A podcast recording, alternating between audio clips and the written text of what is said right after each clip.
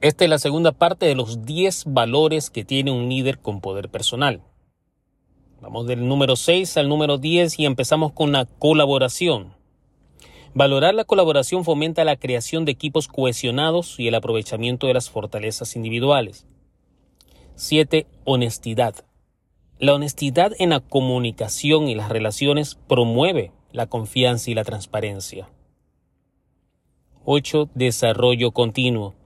Un líder con poder personal valora el crecimiento personal y profesional constante, inspirando a su equipo a hacer lo mismo. 9. Generosidad. Ser generoso con el tiempo, los recursos y el apoyo demuestra una mentalidad de cuidado y servicio hacia los demás. Número 10. Innovación. Valorar la innovación y la búsqueda de soluciones creativas motiva al equipo a explorar nuevas formas de abordar los desafíos.